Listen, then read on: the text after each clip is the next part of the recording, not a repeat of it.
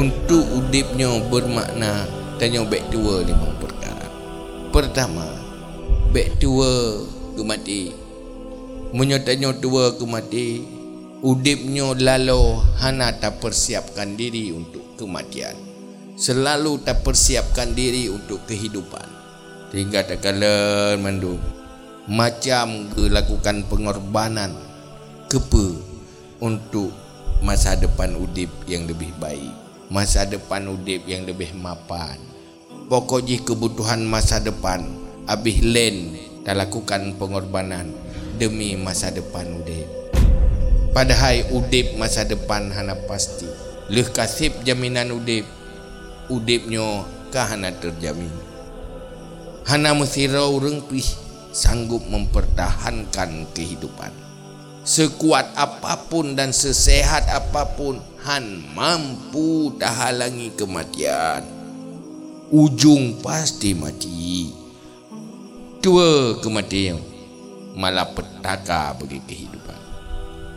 Maka beribadat abih wate Tiba-tiba kematian datang.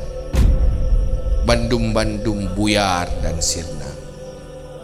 Atra yang tak usaha puluhan tahun uro malam. Satu detik hilang lenyap. Yang nama Yum Pakji secret dan meretip menghabis watetan. Yang yang naik dekat dan nyawa gede nak tak istighfar nanya baru deru Pakji inilah barang yang paling berharga. Lebih baik dari dunia dan isi dunia.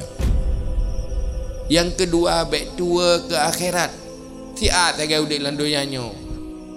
Peristiwa luar biasa ke depan. Peristiwa pertama yang paling luar biasa di saat tapit mata hana tablit li takubah doyanyo. Yang paling luar biasa yang hana pernah terasakan. Nah berkali urung ala puya teka mati. Tengok kan tiga udik tiga mati. Hai nyo ke mati puya tak ada ya mati si. Yang ya tu leh mati. Leh mati kiban kubu kedanyonya pu kebun syurga ruang tunggu ke syurga atau lobang neraka. Preh-preh je ke penghuni neraka menunggu waktu. Yang hinan ke cara melengan siksa. Yang kelebek tua ke kuburan. Sesibuk apapun kedanyo tak bangun rumah pembangunannya pembangunan ji bek tua bangun kuburan.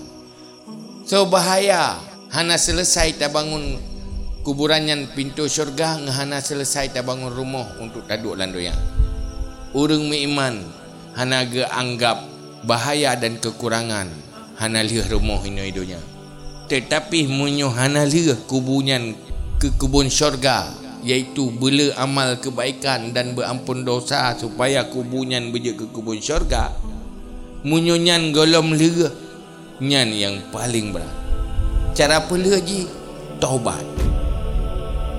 Yang keput back to word taubat. Yang kata pebut dosa back to word taubat. Back yang hana tua pebut dosa? Yang tua taubat. Yang kelima back to word ke Allah. Sesibuk apapun danyo. Tak berurusan dengan manusia tak komunikasi dengan manusia tak pegah abang dengan manusia. Back to word menghubungan dengan Allah hubungan yang wajib tak pun nilai hubungan lima wate Olian hati selalu ingat ke Allah.